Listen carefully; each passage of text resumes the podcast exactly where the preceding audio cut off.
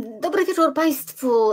Zapowiadamy dzisiaj tylko nieśmiało na razie czwartek z jezuitami, a poza tym będzie o migracyjnym apelu do biskupa Zadarki, będzie o kongresowej trosce o stworzenie, no i wreszcie wreszcie zapowiadany bodaj dwóch programów o stosunku państwa i kościoła, mm, ale też i to jest dla mnie bardzo interesujące, y, o tym, czy wszyscy powinni podporządkować się myśli y, tak zwanych progresistów, bo ona jest najlepsza i trzeba do niej dorosnąć. Mam nadzieję, że zdążymy ze wszystkim. Mam też nadzieję, że moja kamera y, nie wyłączy się, bo widzę, że nie ładuje się, kiedy jest podłączona do komputera.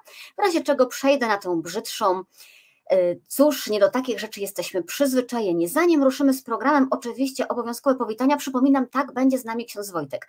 E, nie chcę go narażać na takie krępujące momenty, że ja tu gadam, a on musi milczeć, a jakby on zaczął mówić na powitanie, to byśmy nigdy nie zdążyli zacząć. E, Wojtku, pozdrawiam. Jadwiga, ore, ore pierwsza, nie ma dzisiaj ani marzycielki, zapomniała, albo jest na urlopie. Jadwiga mówi, ma nadzieję, że urlop był udanym czasem wypoczynku, czy wracam z nowym nowym zapałem? Tak, zawsze wracam z nowym zapałem. E, ojciec Lech się wita, mówi, że też dobry wieczór. Ja mam dla Państwa zagadkę związaną z ojcem Lechem. E, kto wpadnie na to, ile trwa tak zwany franciszkański kwadrans? E, dlatego, kto trafi, to będzie w nagrodę jeden z notesików z mojej kolekcji. Ile trwa franciszkański kwadrans z ojcem Lechem? Jagoda, Tadeusz, Maciek, Angel, Anna Maria cieszy się z podwójnej mocy słowa. Peggy, Marek pierwszy raz na żywo pozdrawia ksiądz Marek z diecezji, z diecezji rzeszowskiej też pozdrawiam, zwłaszcza tych, którzy są pierwszy raz. Inverness, Sławomir 74, Barbara, Monika też się wita, dobry wieczór, też pierwszy raz na żywo, bardzo miło, właśnie takich ludzi widać i z Facebooka już się melduje i Rafał, i Paweł, a to już. A co, z pieskiem Paweł nie zdążył wyjść. E, I ksiądz Robert jest, i Jolanta, i Chupek, i Maria Natalia, Arkadiusz, Magdalena, i Waldemar. Ojejku, wszyscy starzy znajomi. A ja się dziwię, co ten mój psiak przy drzwiach stoi, spacer plus Białkowska. No mądry pies, mądry pies, muszę go kiedyś poznam, poznać. Joanna pisze, ja znam tylko paulińskie kilometry, podejrzewam, że jeden trwa z pięć. Anna, obstawiam, że z ojcem Lechem to półtorej godziny. Nie, źle trafione. Krzysztof, dwie godziny 15 minut, też nie, chociaż blisko. E, proszę Państwa, to jest program reportaż z wycinków świata, Monika Białkowska i ksiądz Wojciech Nowicki. Wojtku, spójrz w kamerę już ładnie, bo Cię wpuszczam na wizję. O, właśnie. E, ksiądz Wojtek pytał, czy może być dzisiaj bez, czy może być dzisiaj bez koloratki. Pozwoliłam. Jako gospodyni programu nie mogło być inaczej. Mm, dobrze, jeżeli Państwo słyszą go za cicho, czy ja mam to cicho ustawione? Ja mam cicho ustawione. Dobra jest. Proszę Państwa, mm, zanim e, zaczniemy, Paweł Gliwny. Dwie godziny 30 minut. Padre Lech, czy ty to słyszysz? No właśnie, trafił. Tak, proszę Państwa. E, franciszkański kwadrans to 2,5 godziny rozmowy. Mm, proszę Państwa, z przeglądu wydarzeń e, to to, co jest istotne, wydaje się, to jest kolejny artykuł, który się ukazał w więzi. E, są Wojtku fanki Twojej koszulki. E, śledztwo Pauliny Guzik, mm, nadużycia seksualne u jezuitów, tym bardziej doty, tym, tym razem dotyczące bardzo młodej, ale dorosłej kobiety, w czwartek obiecuję, postaram się powiedzieć na ten temat coś więcej. Czytałam na razie jedną część, druga miała się ukazać dzisiaj wieczorem. Nie wiem, czy już się ukazała, nie zdążyłam do niej przed programem zajrzeć, więc szczegółowo zajmiemy się treścią i wynikami tego śledztwa w następnym programie. Ale już dziś zatrzymuję się na chwileczkę, bo zauważam tutaj kilka rzeczy. E, pierwsza jest taka, mm, nie wiem, czy Państwo to zauważają, że zainteresowanie tekstem jest jakby mniejsze. E, ja oczywiście nie znam liczby odsłon, ale komentarzy jest mało i zastanawiam się, co za tym stoi. E, państwa też tu proszę o pomoc. Próbuję dyskretnie otworzyć kocie patyczki, żeby nie szaleścić. Mm, czy my się, czy my się przyzwyczailiśmy już do tego tematu? Czy trochę nie mamy już sił mierzyć się z kolejną historią? Czy one są do siebie tak podobne, że niesłusznie wydają nam się y, nudne, a my szukamy wciąż nowych emocji? Czy coraz mniej osób angażuje to tak y, emocjonalnie, bo Kościół ich coraz mniej angażuje? A może tak jak niektórzy będą sugerować, sensacja się po prostu przejadła i my już wiemy, że to wszystko są kłamstwa. Jestem ciekawa. Ania pisze, że takie teksty chyba już dzisiaj nie zaskakują. Wojtek, masz jakąś teorię na ten temat? Dlaczego tak, no, trochę obojętnieje nam to? To też nie byłoby dobre chyba, nie? Wiesz ja zacząłem czytać ten tekst i, i jestem tak mniej więcej w połowie, myślę, tego tekstu. Y, nie wiem, czy, czy to się powszednieje, czy y, po prostu jeszcze może większość osób, nie wiem, nie dotarła do tego tekstu, bo on, jak rozumiem, ukazał się dzisiaj, tak? Y, tak. Wczoraj? No, dzisiaj, dzisiaj. A to ja nawet też, no my dzisiaj zamykaliśmy przecież numer przewodnika, więc też właściwie było pełne skupienie na tym, potem jeszcze inne zajęcia i właściwie tak tylko mimochodem Piotr w redakcji mi rzucił, że, że jest ten tekst, więc mhm. tylko czytaliśmy nagłówek, więc przyznam, że też jestem jeszcze jakby przed lekturą, więc że ma być część druga. Mm, Natomiast no, być może trzeba dać dzień, dwa na to, żeby pewnie po przeczytaniu, może przy drugiej części będzie jakaś większa, większa, większy rozgłos. Natomiast ta, może być tak rzeczywiście, że, że ten pierwszy na przykład tekst, który dotyczył no, Pawła M., tak, no to brzydko to zabrzmi, ale to była pewna nowość tak, w, w tym mhm. świecie też takim odkrycia jakby e, e, tej patologii. W związku z tym zawsze drugi, trzeci, czwarty przypadek on nie ma już tej takiej siły oddziaływania, trochę jak filmy Sekielskich, nie? że mhm. pierwszy zrobił bardzo duże oddziaływanie, a drugi, trzeci, no trochę wszyscy wiedzieli już, co tam będzie. Nie? To, to chyba jest taki mechanizm, co nie znaczy, że można uznać, że, że ten, to, to jest nieistotne, nie? Bo, bo rzeczywiście jak się to czyta i się okazuje, że bardzo podobne mechanizmy zadziałały, no to znaczy, że trzeba być czujnym i uważnym, bo, bo może być zdecydowanie więcej takich sytuacji. Nie? Znaczy, może nie, ale może warto się poprzyglądać, czy czasem nie jest ich więcej. Mhm. Dla mnie uderzające były e, komentarze. Tutaj Państwo zwracają uwagę, że, że, wie, że wyborcza czy TVN mają większe zasięgi, tylko że ja tego nie porównuję z tekstami więzi czy wyborczej, tylko, tylko z publikacjami więzi właśnie. Oczywiście bardzo Państwa zachęcam do zajrzenia do tego cyklu. Anna pisze, że druga część artykułu też, tego tekstu też już jest z tego śledztwa. Mm, dla mnie uderzające są i takie trudne komentarze spośród tych, które już się pojawiły, e, to to, że to, co u Państwa też wybrzmiewa, tak? Już nie mam siły, to się chyba już nigdy nie skończy, ale też coś, co jest dużo mocniejsze, to znaczy, cytuję tutaj, e, nie możemy już nikomu ufać w polskim kościele katolickim. Po ojcu Macieju, Macieju Ziębie upadł autorytet ojca Wojciecha Ziółka, naprawdę go ceniłem. W felietonach i wywiadach dla miesięcznika w drodze wypowiadał się szczerze, autentycznie przekonująco. Cóż, byłem naiwny, dzieciny nie naiwny. Błagam, nie posyłajcie swoich dzieci do żadnych wspólnot rekolekcyjnych. Najlepiej w ogóle nie zwierzajcie się katolickim księżom ze swoich osobistych, intymnych problemów. Lepiej skorzystać z pomocy świeckich psychologów. To jest dla mnie trudne, bo no możemy powiedzieć, że to jest generalizowanie. Mm, możemy mówić, że to jest niesprawiedliwe, ale nie możemy mieć pretensji do kogoś, kto stracił zaufanie i nie możemy wmawiać mu, że to jest jego wina, że stracił to zaufanie, bo utracie zaufania winien jest ten, kto to zaufanie zawiódł, kto to zaufanie zdradził. E, nie wiem, Wojtek, ja Ciebie pytam, jak Ty się czujesz jako ksiądz? Ja wiem, że nie widać w tej chwili, że ksiądz, ale bez koloratki też ksiądz. E, jak się czujesz, kiedy, kiedy czytasz, że w kościele nikomu już nie można ufać i że nie warto ufać księżom, rozmawiać z nimi, zwierzać się? Jak Ty to osobiście odbierasz? Będziemy o tekście jeszcze rozmawiać w przyszłych programach, ale, ale pytam o takie Twoje pierwsze dostanie w twarz takim komentarzem. Nie no, źle się czuję. Y, znaczy nie mam żalu, tak, że ktoś jakby taki wniosek wyciąga uogólniający, bo to jest zawsze jakby osobista droga, natomiast y, no, no jest to taki mechanizm też, który, który w nas działa i y, ja przyznam, że po raz pierwszy mnie gdzieś tam jakoś tak mocno zabolało, kiedy właśnie jakby pojawiły się te wszystkie sprawy, problemy związane z pedofilią i ja zacząłem sam Y, być tak nienaturalnie ostrożny. To znaczy w tym sensie, że na przykład jak y, tam podbiegało do mnie dziecko, to ja już miałem tysiąc myśli, jak się teraz powinienem zachować, żeby zminimalizować jakiekolwiek nawet cień podejrzenia, że ja mógłbym zrobić coś nie tak. I to mnie najbardziej boli, że to, co powinno być najbardziej naturalne w, w mojej relacji z drugim człowiekiem, jest, jest ta relacja zaufania i taka, powiedziano w stosunku do dzieci, no to takiego ojcostwa duchowego, nie? Jeśli to, to zostaje jakkolwiek podważone i, i zburzone, no to cała moja praca tak naprawdę nie ma sensu w tym momencie, nie?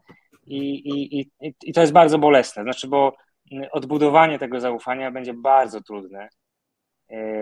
No ale, ale będziemy musieli odbudować, no bo trudno będzie. Zawiesiłeś się. Tego się obawiałam. To dzisiaj taki program. Halo, halo? O, o, jesteś. Dobra, no. jesteśmy, dobra.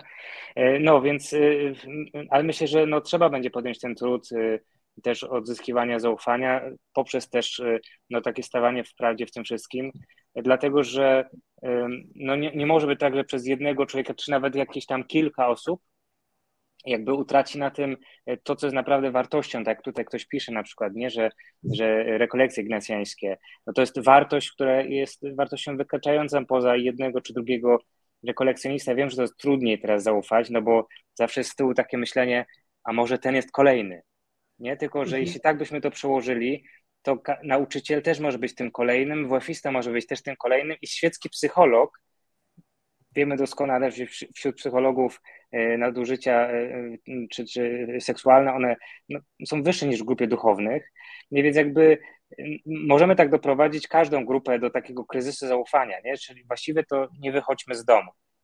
Nie? To, no dobra, to jest bardzo trudne. Ale tobie się włącza raczej... Um czy to by się włącza raczej odruch samoobrony y, całej naszej grupy, czy to by się raczej włącza w kurz na tych, którzy to zaufanie do wszystkich y, podważają? Rozumiesz, czy no, masz no ochotę tak. bronić, czy wykopać tych, którzy przesadzam teraz, nie? Czy masz ochotę bronić was wszystkich, czy raczej y, wykopać tych, którzy zaszkodzili wam wszystkim? No, bronić nie trzeba, dlatego że y, jakby jeśli ktoś jest uczciwy, to obroni się sam, tak? To znaczy mhm. Jakby nie musi się specjalnie bronić, a jeśli y, w jakimś sensie, y, nie wiem, dostanie rykoszetem, tak? Bo nie wiem, ktoś mu powie, że teraz nie wiem, czy mogę księdzu ufać, bo no to no, trzeba po prostu to przyjąć, nie wiem, jako krzyż po prostu, tak, no jest to wpisane też w jakąś moją tam drogę kapłańską. Natomiast tak, no najchętniej, może nie wykopać, bo też no, uważam, że jeśli ktoś tam się pogubił i, i skrzywdził, no to też musi odpowiedzieć, ale też ma szansę na nawrócenie, nie? Tylko oczywiście w duchu sprawiedliwości i tutaj poszanowania y, jakichś zasad. Natomiast no chciałbym, żebyśmy my też y, w samym naszym środowisku jakby byli tacy jakoś mocno wrażliwi na to, nie? Czyli żebyśmy nie przymykali oczu, jeśli mamy cień podejrzenia, że coś może być nie tak. Nie, bo, bo ja podejrzewam, że to jest mało prawdopodobne, żeby nikt niczego nie zauważył.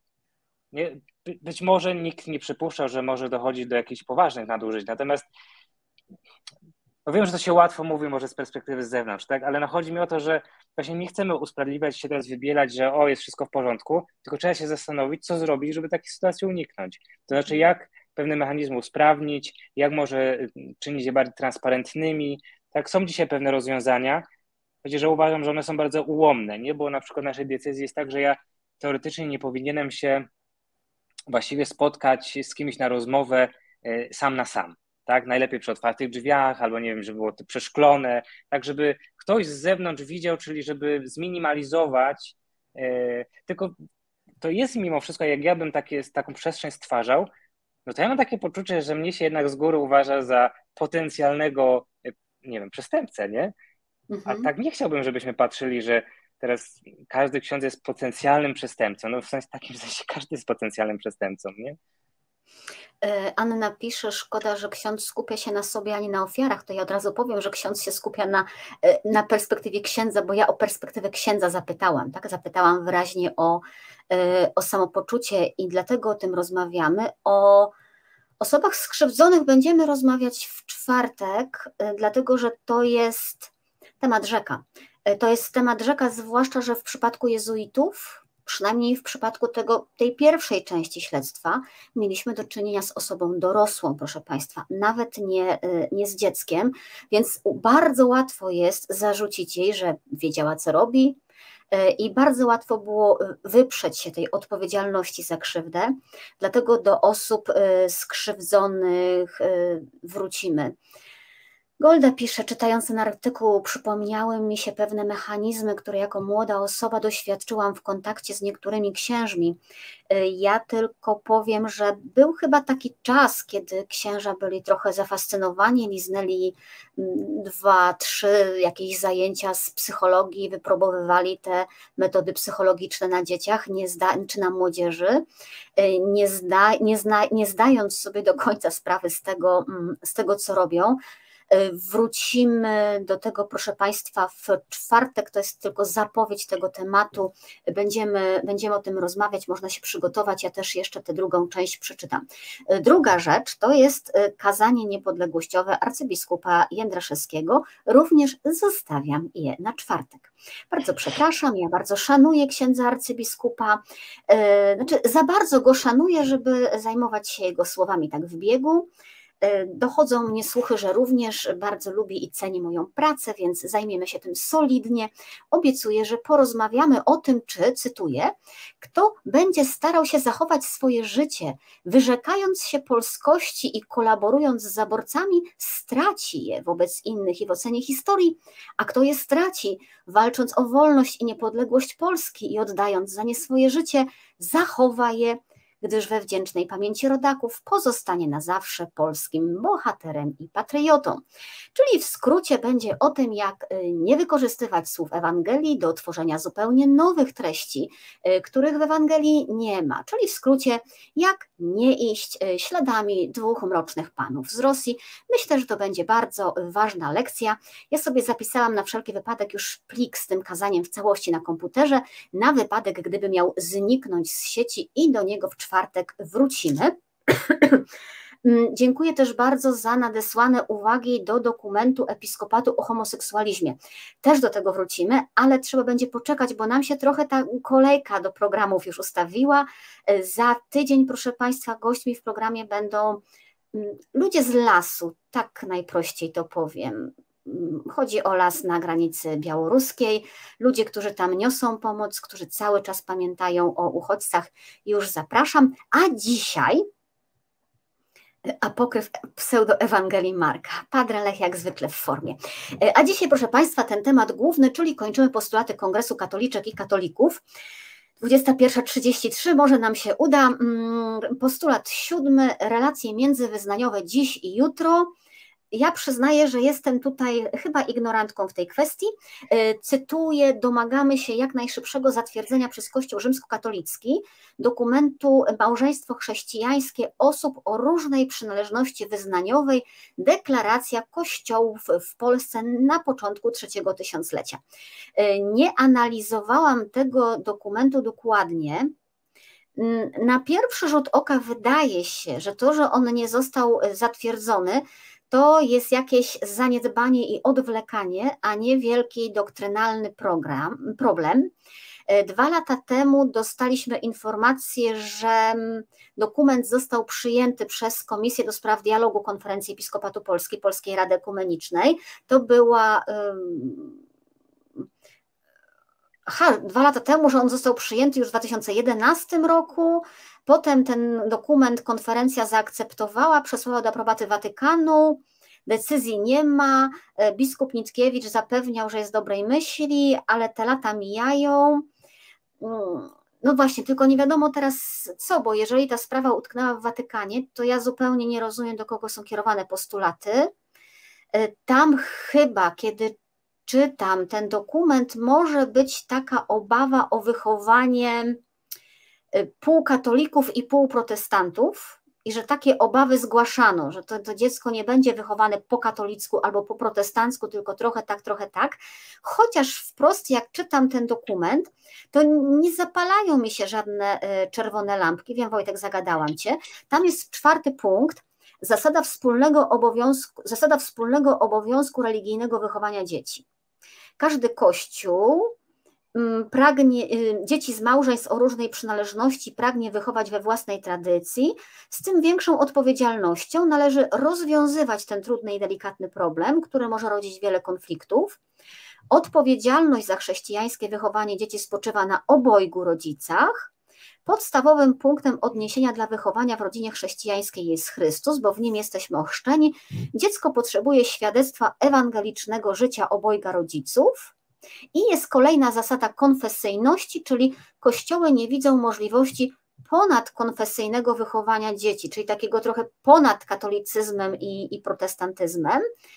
Budowanie tożsamości chrześcijańskiej wymaga zawsze zakorzenienia w określonej tradycji, czemu równocześnie powinna towarzyszyć wrażliwość ekumeniczna. I gdyby nie było tego punktu piątego, no to rzeczywiście można by się obawiać takiego, takiej ponadwyznajowości, takiego półkatolika, półprotestanta, ale mam wrażenie, że z tym piątym punktem to już nie ma problemu i sama się zastanawiam, dlaczego ta sprawa nie rusza i jakoś specjalnie uwag do tego postulatu nie mam. E, nie wiem, czy Wojtek, ty się jakoś orientowałeś w tym lepiej, czy tak samo jesteś zielony w tej kwestii jak ja i tak naprawdę nie wiadomo, dlaczego to nie rusza. Nie, nie mam pojęcia, dlaczego się to zatrzymało, natomiast ja też przeczytałem sobie ten dokument mhm. i przyznam, że w ogóle kwestia tego wychowania nie zwróciła mojej uwagi. Znaczy, że ja to przeczytałem i uznałem, że jakby to jest bardzo dobrze sformułowane. To znaczy, wiadomo, że jest pewne napięcie, są, są y, te różne tradycje, tak?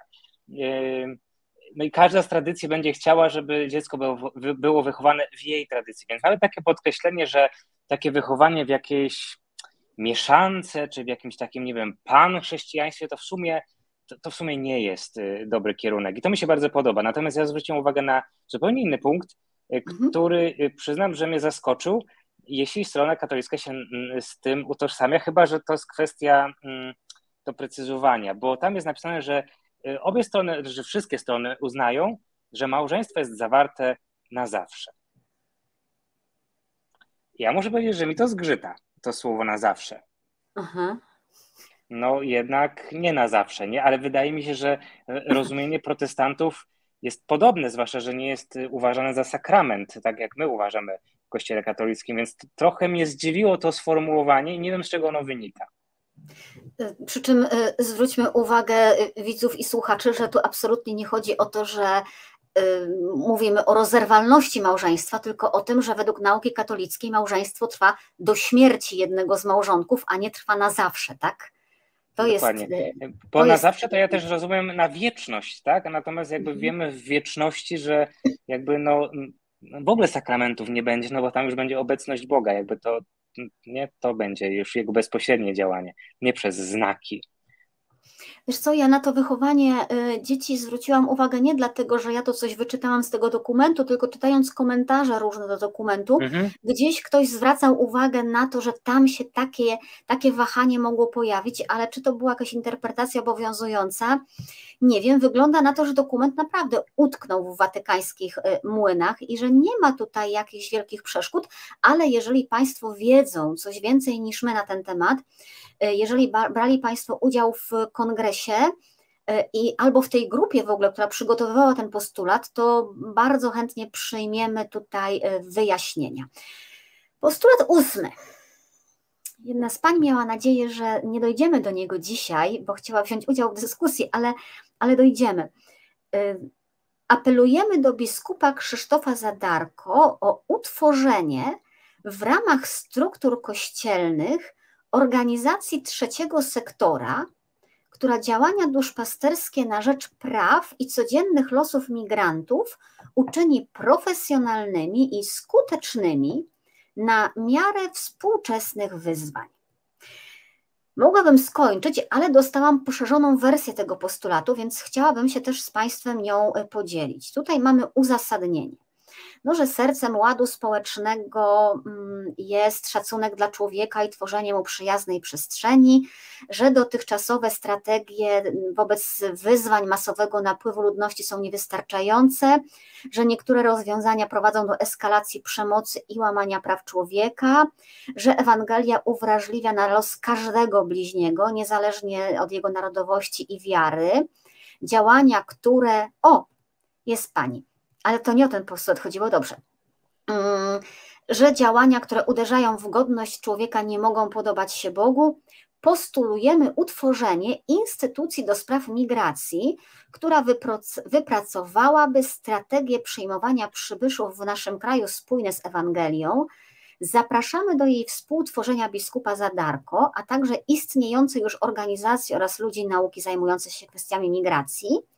Rolą postulowanej instytucji byłoby zbieranie wiedzy dotyczącej problemów migracji oraz projektowanie pożądanych rozwiązań. Chcemy pracować nad racjonalnymi, pozytywnymi scenariuszami działań i tak dalej, i tak dalej, żeby przekształcić to w szansę dla przybyszów i dla gospodarzy. No, ty jesteś ja. specjalistką od tej tematyki. Ja nie jestem specjalistką tej, od tej tematyki, ale włączają mi się znaki zapytania, tak bym to nazwała, bo mm, trzeci sektor, mm, o którym tutaj jest mowa, NGO, to są po prostu organizacje pozarządowe. I teraz y, Kościół ma zakładać organizację pozarządową, kolejną. Nie wiem dlaczego i jak instytucja ma powoływać coś takiego, mm, jasne jest i w ogóle z tym nie dyskutuję, że potrzeba absolutnie w takiej pomocy y, profesjonalizmu działań. Ale po pierwsze, takie profesjonalne organizacje są i one potrzebują wsparcia, potrzebują pomocy, potrzebują ludzi i tam absolutnie nikt nie pyta nikogo o wiarę. Jest, są potrzebne ręce do roboty i wszyscy możemy się tam zmieścić. Po drugie, ja nie rozumiem, dlaczego organizację pozarządową ma tworzyć biskup. Dlaczego to by miało być w ramach struktur kościelnych? I czy to znowu nie jest taki przejaw myślenia klerykalnego, że jak y, biskup nie każe, to my nic nie zrobimy, a jak biskup powoła, to my się w to włączymy? Bo ja nie rozumiem, dlaczego świeccy katolicy, jeżeli odkrywają, że brakuje takiej instytucji przepojonej ewangelicznym duchem, dlaczego po prostu jej nie założą? Dlaczego y, nie poproszą biskupa o patronowanie takiej organizacji? Ja przyznaję, że mm, znaczy, zgadzam się, że te potrzeby są, tylko, tylko nie wiem. Czyli chcesz powiedzieć, że skoro chcesz powiedzieć, że skoro może funkcjonować kongres katolików i katoliczek bez powołania go przez biskupa, a nawet y, bym powiedział, niezależnie od tego, czy to się biskupowi miejsca, czy w ogóle podoba, czy nie, to tym bardziej taki NGOs, nie? Wiesz, jak tak zaczęłaś mówić, to ja się zacząłem zastanawiać, um, czy te, ta struktura, to ona by miała tak działać zupełnie niezależnie od państwa, czy ona by miała współpracować z państwem, a nawet prowadzić do wytworzenia jakichś norm prawnych w państwie. Bo jeśli to drugie miałoby współpracować i to jeszcze z punktu widzenia no, etyki chrześcijańskiej czy Ewangelii, to przyznam, że kłóci mi się to z punktem dziesiątym, do którego na pewno dojdziemy. Y, też, ale wiesz, jeżeli mówimy o NGO-sach, to są organizacje pozarządowe, one mogą działać y, zupełnie niezależne, one nie muszą niczego y, wypracowywać, tylko jakby funkcjonować w tych możliwościach prawnych, jakie są e, organizacjom pozarządowym zostawione. I ja przyznaję, że no, tak jak my wcześniej mówiliśmy o tym podziale na, o tym rzeczniku praw świeckich w mhm. kościele, że i tam wszyscy zwrócili bardzo wyraźnie uwagę na to, że ten postulat jest klerykalny, no to tutaj mam wrażenie, że ten klerykalizm taki podskórny, z którego my sobie często nie zdajemy sprawę, on tu po prostu wyskakuje jak Filip z konopi i mówi hello, tu jestem, nie? Biskup nam musi założyć organizację pozarządową. No ludzie, litości, po prostu jedźcie na granicę. Z tego co wiem, to tam ludzi, yy, którzy się legitymują Ewangelią, było raczej niewielu. Y, I to nie była wina żadnego biskupa. Tam po prostu mógł jechać każdy. Co więcej, ja Państwu przypomnę, że nadal można pomagać, tak? To znaczy są ludzie, ojciec Lech zwracał nam uwagę, że mówimy ciągle tak albo nie, tylko nie pamiętam o co się czepiał, mm, że y, możemy y, pomagać, możemy wysyłać pieniądze, możemy robić paczki dla osób, które są w ośrodkach przetrzymywane, dla osób, które wychodzą z ośrodków, to jest wciąż może roboty do zrobienia, usłyszą o tym Państwo w przyszły poniedziałek. A teraz my tracimy trochę czas, na gadanie o tym, że biskup powinien coś założyć. Ja się zgadzam, że potrzebna jest taka chrześcijańska refleksja nad tym problemem. Absolutnie. Trzeba by zebrać specjalistów od pomocy humanitarnej, y, socjologów, y, może lekarzy, y, może politologów, żeby gdzieś to ująć i pokazać to z chrześcijańskiego punktu widzenia, ale ja nadal nie rozumiem, dlaczego to ma powoływać biskup. To może zrobić każda grupa ludzi, każdy może zało założyć stowarzyszenie, y, potrzeba do tego bodajże 15 osób y, i ru już y, ruszamy z robotą. No to, to nie jest jakaś wielka filozofia. No chyba, że chodziło trochę o jakby tu kongresowi o to, żeby jakby zaznaczyć, że no, nie jest to tylko takie, no, nazwijmy to samowolne działanie, tak, ludzi oddolne, tylko że e, no, wynika ono z działania jakby całego Kościoła, tak? Może to tak e, należałoby zrozumieć, tylko może niekoniecznie trzeba apelować, żeby biskup Zadarko utworzył, tylko może trzeba zaapelować, biskupie, zróbmy to razem, tak? Wspólnie powołajmy. Nie, nie wiem, a może nie jest to w ogóle potrzebne, ale czy próbuję zrozumieć intencje, tak? Mhm. E, Myślę, że wystarczyłoby biskupa zaprosić do współdziałania. Zresztą mnie już tak trochę tutaj dziwnie na mnie działa mówienie o działaniach duszpasterskich e, na rzecz losów migrantów, bo musimy pamiętać, że część tych migrantów no, nie jest katolikami, część z nich nie jest chrześcijanami. E, no więc pytanie, na ile to będzie rzeczywiście e, duszpasterstwo, tak? Żebyśmy nie przesadzili, bo duszpasterstwo jest dopiero na trzecim, piątym miejscu. Najpierw tym ludziom trzeba dać jeść, dach nad głową, udzielić pomocy prawnej. Więc, y, więc tak to wygląda. Mm, nie wiem, co Państwo na ten temat myślą, na temat profesjonalizacji pomocy duszpasterskiej dzięki y, założeniu NGO-sów przez biskupa. No ale ja nie, nie, patrzę na to z optymizmem, nie dlatego, że nie wierzę w skuteczność tego działania, tylko dlatego, że uważam, że y, zmarnowano trochę czas, formułując ten postulat w ten sposób. E, I w ogóle dziwię się, że siła Kongresu Katoliczek i Katolików mm, poszła w stawianie postulatów ty, ty, ty i ty powinniście coś zrobić, e, a nie poszła w stronę, skoro jesteśmy tą grupą, to robimy to, to, to i to. E, wszystkich oczywiście byśmy nie spełnili, ale w kilku postulatach można. E, Tomek mówi, że do wszystkich działań są potrzebne pieniądze. Rząd nie bardzo ostatnio wspiera trzeci sektor, biskup, biskup za darko może więcej. Mm. Cóż, godna podziwu, y, wiara, no nie wygląda to chyba tak, że biskup jest w stanie ze swojej kiesy y, dać więcej niż dostają, niż są w stanie zdobyć NGOsy wykorzystujące wszystkie możliwe, wszystkie możliwe środki. Marcin pyta na tej nie bardzo łapię, ale dobra.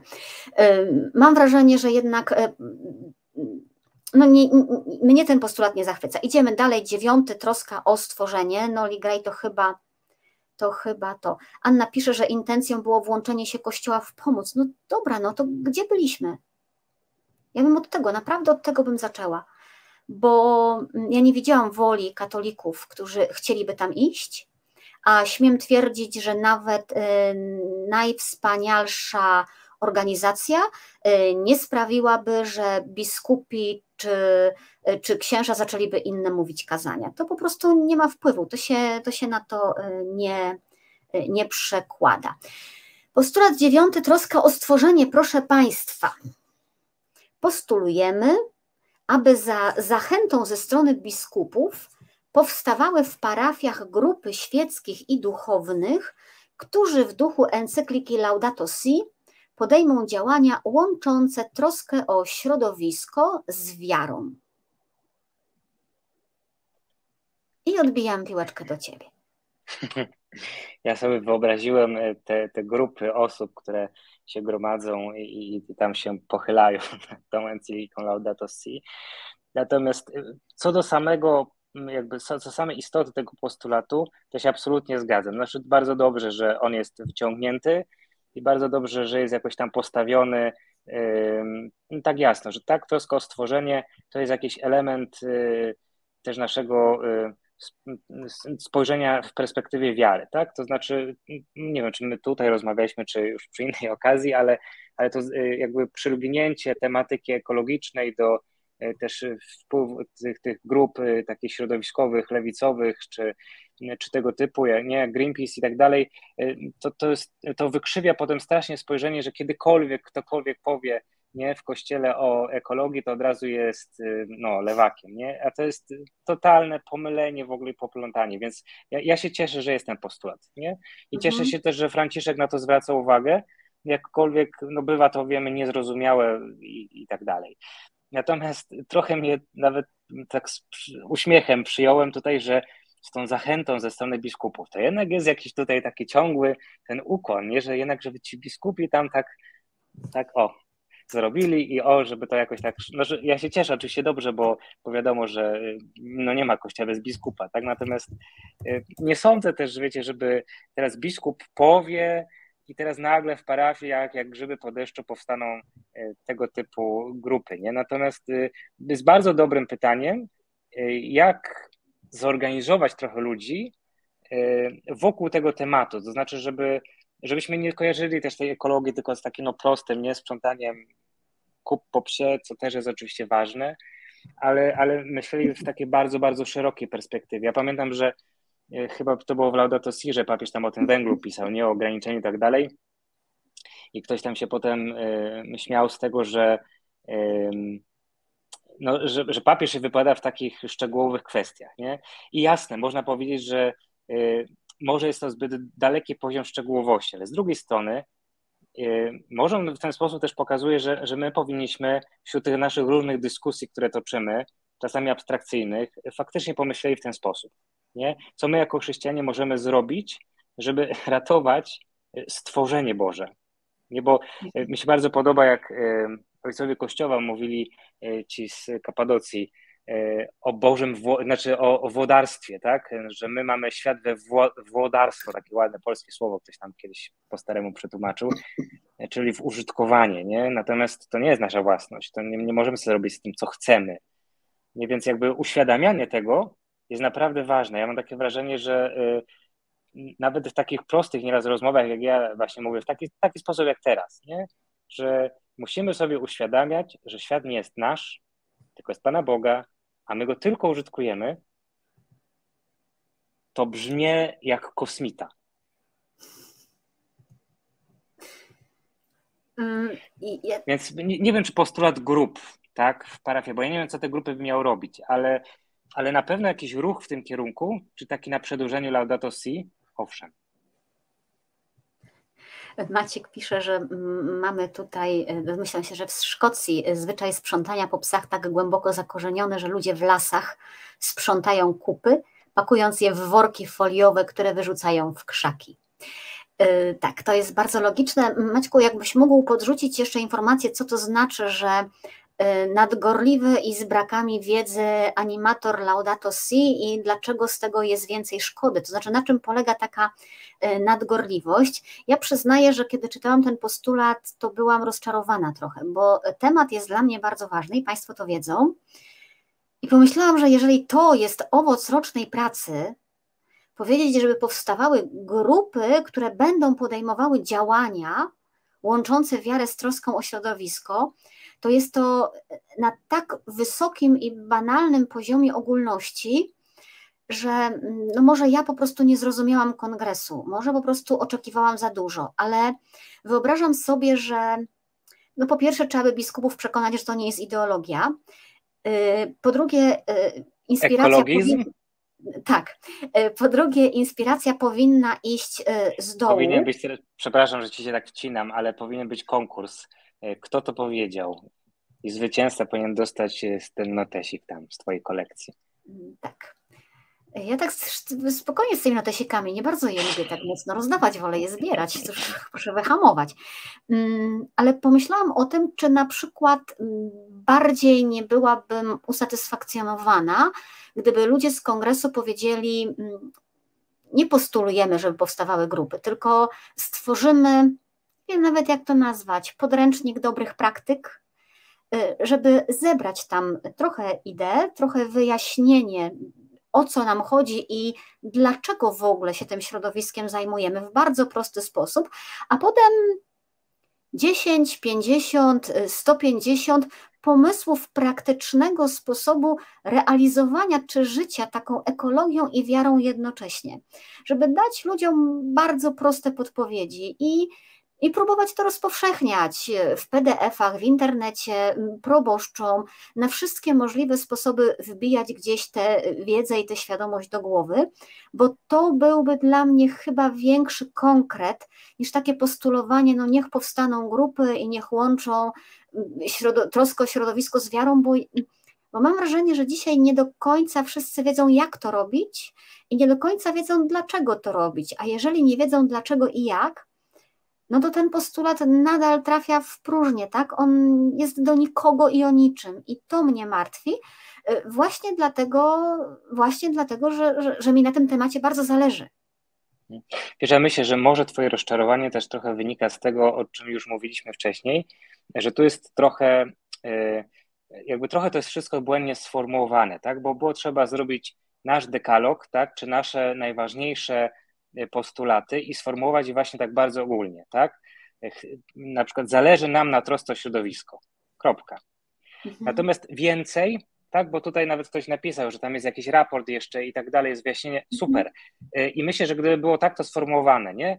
E, zależy nam na trosce o środowisko, żeby to było postrzegane jako no, pewnego rodzaju obowiązek katolika, to znaczy wynikający z jego wiary to okej, okay, rozwinięcie pewnie to, co ty mówisz, że czego byś się bardziej spodziewała, byłoby w tym raporcie.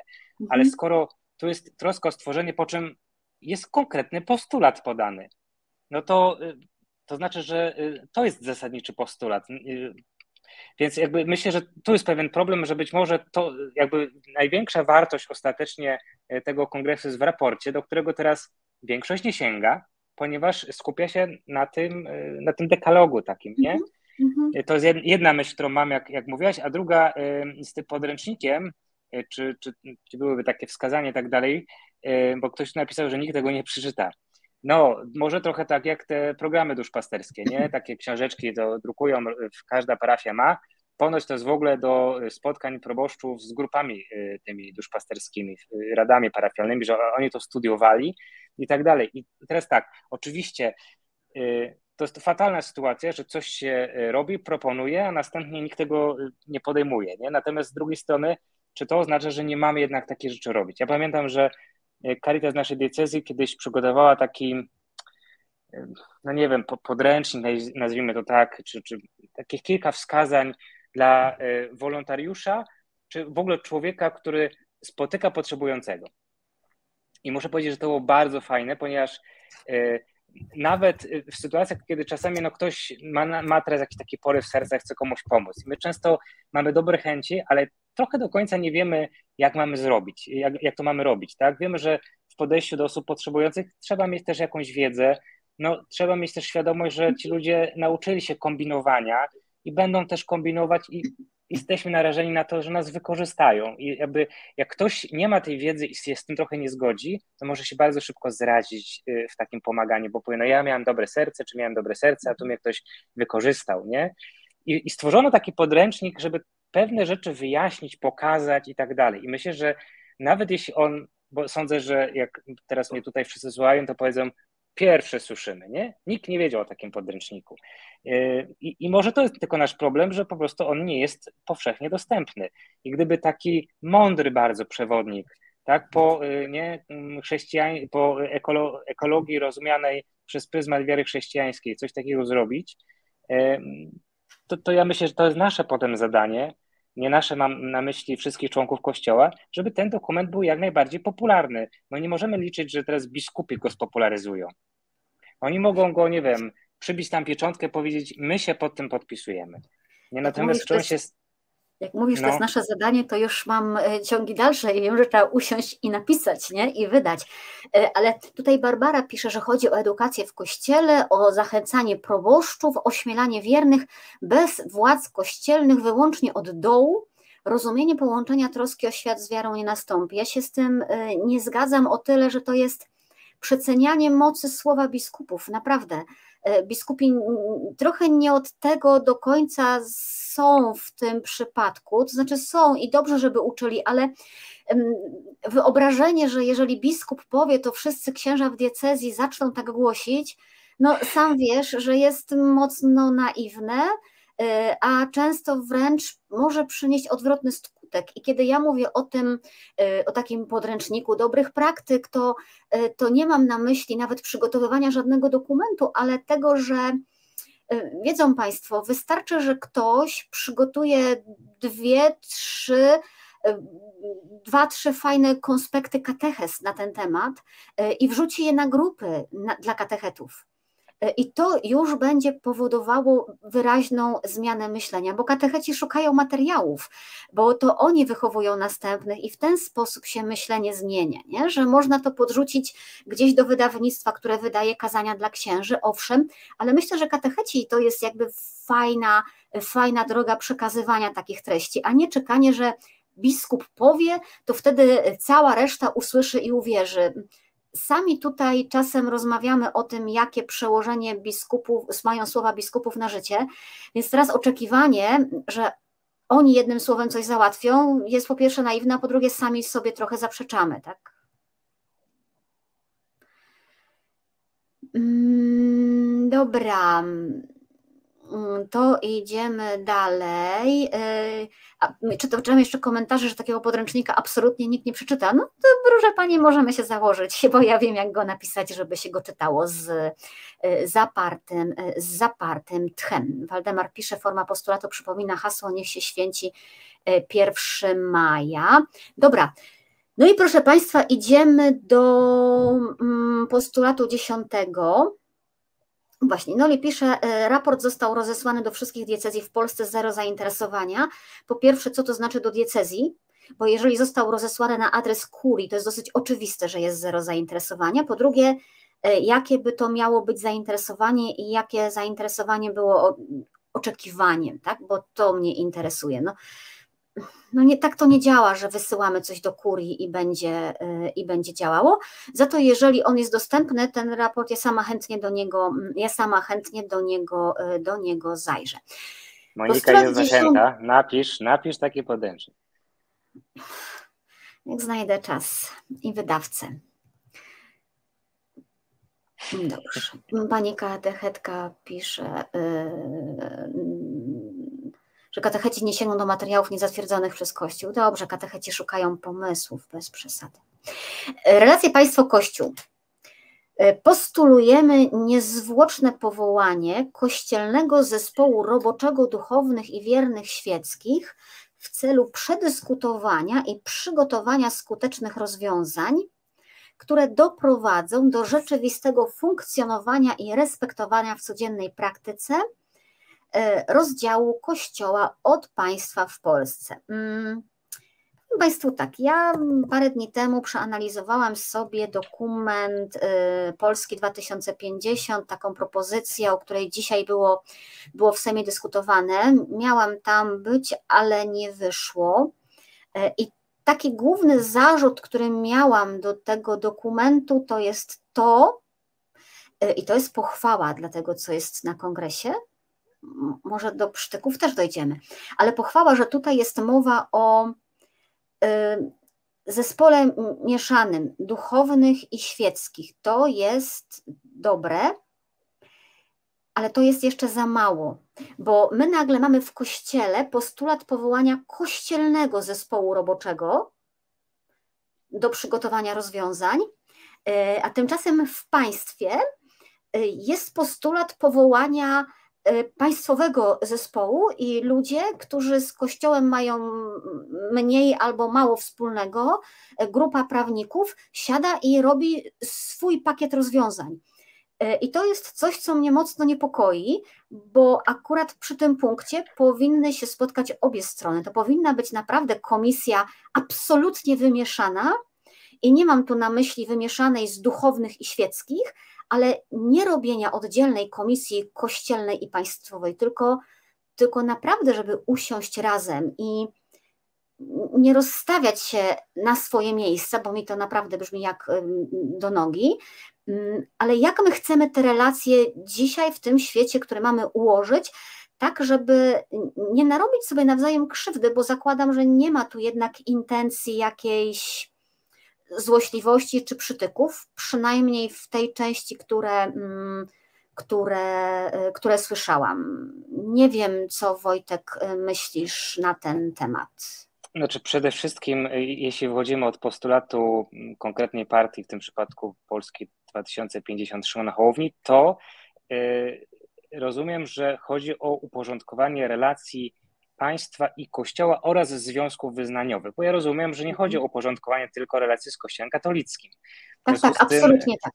W związku z tym to jest bardzo szeroka e, dyskusja, bardzo szeroka, dlatego że na te relacje e, no oczywiście w pierwszej kolejności składa się konstytucja, ale składają się także umowy, które są zawarte z poszczególnymi związkami wyznaniowymi, czyli przedstawicielstwami i tak dalej, i tak dalej. Poza tym mamy rozróżnienie na religię i związki wyznaniowe, więc to jest bardzo skomplikowana rzecz i to się takimi właśnie, na pewno się nie da ułożyć relacji, pomijając jakąkolwiek stronę, która wchodzi w te relacje nie? Czyli no nie można sobie stworzyć państwowej jakiejś tam komisji, no bo trzeba stworzyć ją ze wszystkich zainteresowanych stron, które miałyby wejść w te relacje.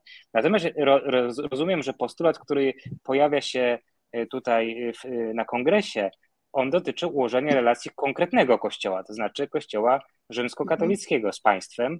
I jak rozumiem, to znaczy, ja podzielam, że styk kościoła i państwa nie przebiega zgodnie z zasadami, które są. A przypomnę, że zasadniczym takim punktem odniesienia dla nas jest umowa między Stolicą Apostolską a Rzeczpospolitą Polską, czyli konkordat.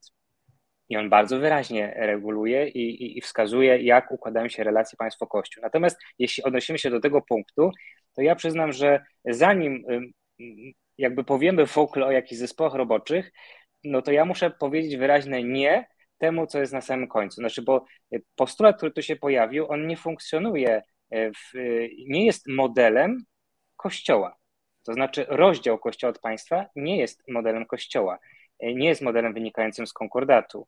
E, jest modelem, który ma swoje korzenie w rewolucji francuskiej i oznacza tak naprawdę nie, nie łączenie stanowisk przez, nie wiem, duchownych czy możliwości przemawiania ich w jakichś określonych miejscach, bo to dzisiaj reguluje konkordat i prawo kanoniczne. Ksiądz nie może na przykład być posłem, tak jak jeszcze mogło być 100 lat temu, jak na przykład było w przypadku założyciela przewodnika katolickiego księdza Józefa Kłosa, który był posłem e, na Sejm w Berlinie, tak?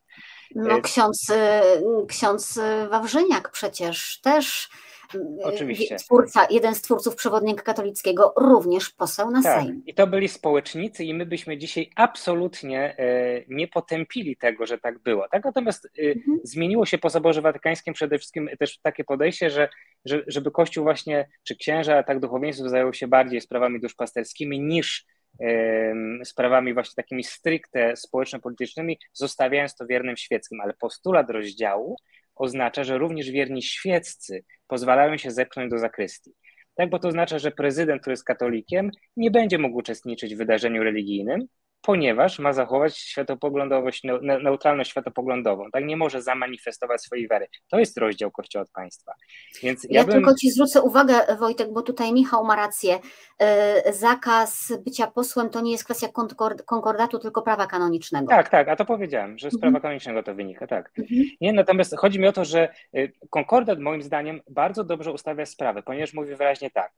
E, są dwa podmioty, które są autonomiczne, to znaczy, każdy ma swoją strukturę, e, tak, swoje prawo, swoją organizację, państwo i kościół.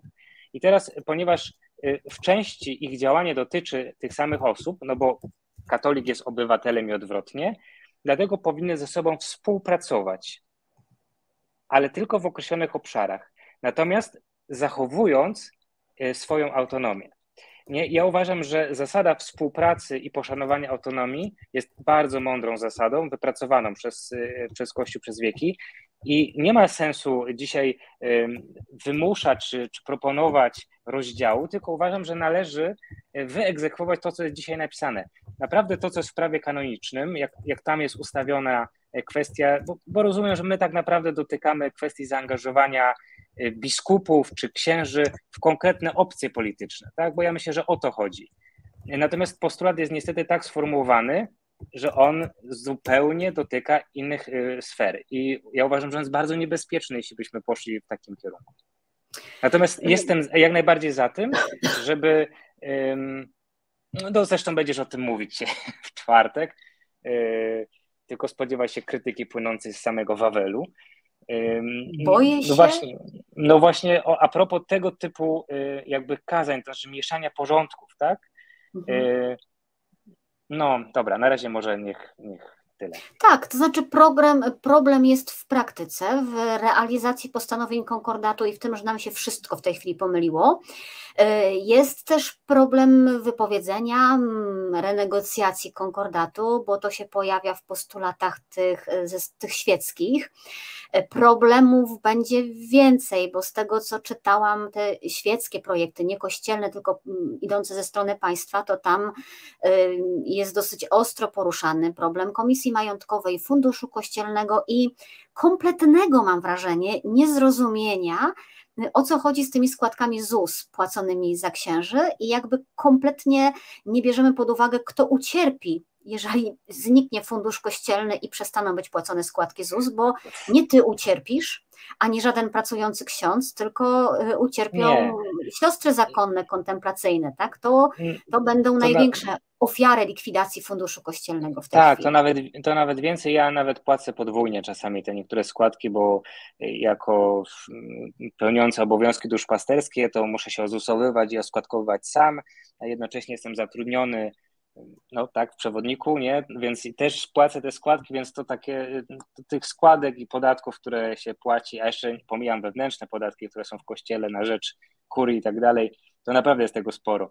Natomiast y, z funduszu kościelnego akurat, y, wbrew y, takiej obiegowej opinii, najwięcej korzystają inne związki wyznaniowe, dlatego że one są w znacznie gorszej sytuacji ze względu na mniejszą liczbę członków.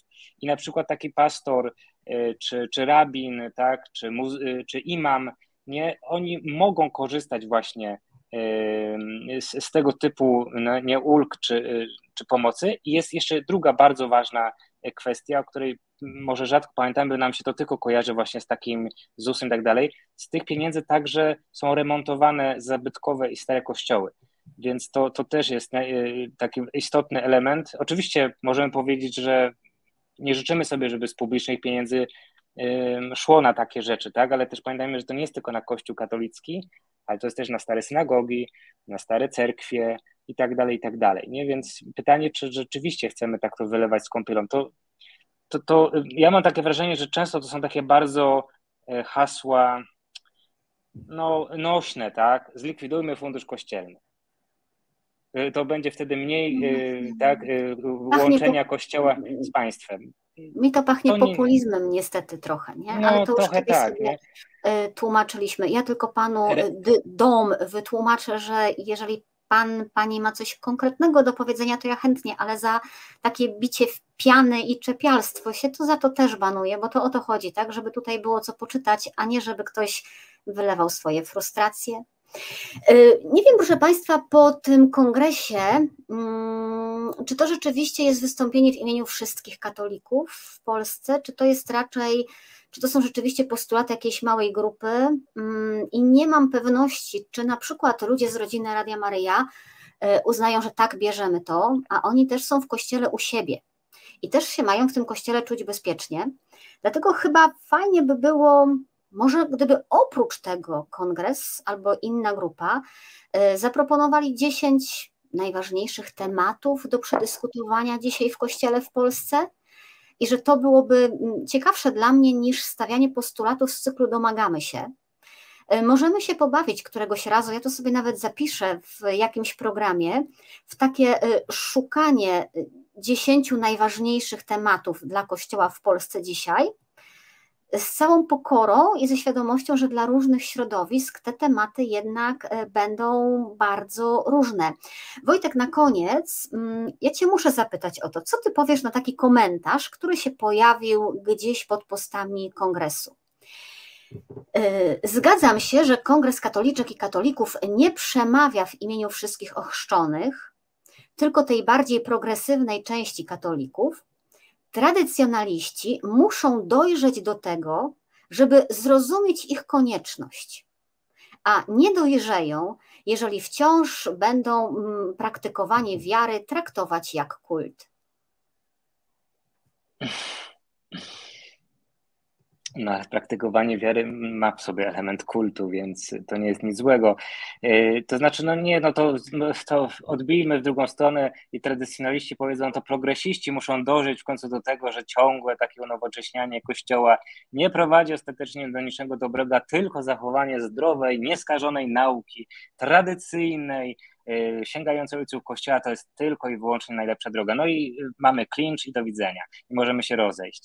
Dobry ja wrócę, jesteś w tej narracji ja wrócę do tego, co mówił kiedyś, co ja mówiłem już tutaj kiedyś, a mm, co powiedział kardynał Skola, bo myślę, że to jest bardzo ciekawe, bo on też mówił z takiego perspektywy doświadczenia jeszcze Soboru Watykańskiego i trochę tych, tych lat po i on mówił, że tam właśnie następowało takie mocne ścieranie się dwóch grup, takie bardzo y, wręcz, y, znaczy byli w opozycji, tak, właśnie y, nazwijmy to tradycjonaliści i progresiści.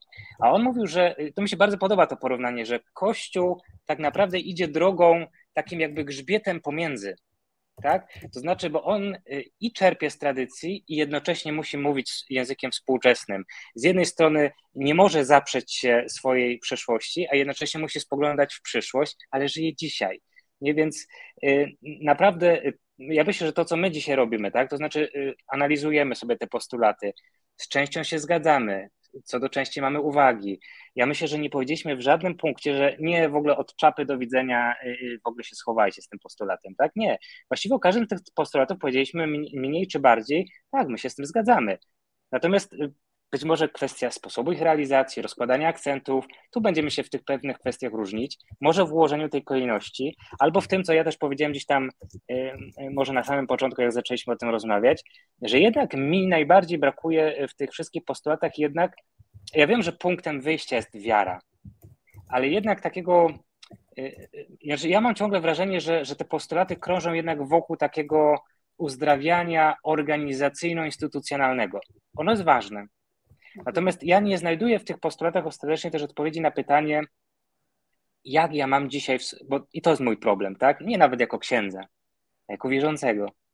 Jak mogę dzisiaj współczesnemu człowiekowi mówić o Bogu, o Jezusie Chrystusie, tak? O Bogu to jest miłością. Jak to mam mówić? Nie? Kiedy nie wiem, ludzie są niezainteresowani tym, no, my możemy pogłębiać tematy ekologii integralnej i wielu, wielu innych rzeczy, Natomiast ostatecznie, kiedy ja mijam ludzi, to się zastanawiam, jak im powiedzieć o miłości Pana Boga, o tym, o najprostszej rzeczy. Tak? Wszystkie te inne kwestie one są ważne, ale będą wtórne. Nie? A tu nie znajduję na to odpowiedzi. I, i ja myślę, że to, co zaproponował papież Franciszek w synodzie o synodalności, który trochę dotyczył oczywiście zafunkcjonowania Kościoła, ale on powiedział że tu nie chodzi o to, żeby z tego synodu wykształciła się struktura, że my powiemy, o teraz tak zorganizujemy Kościół.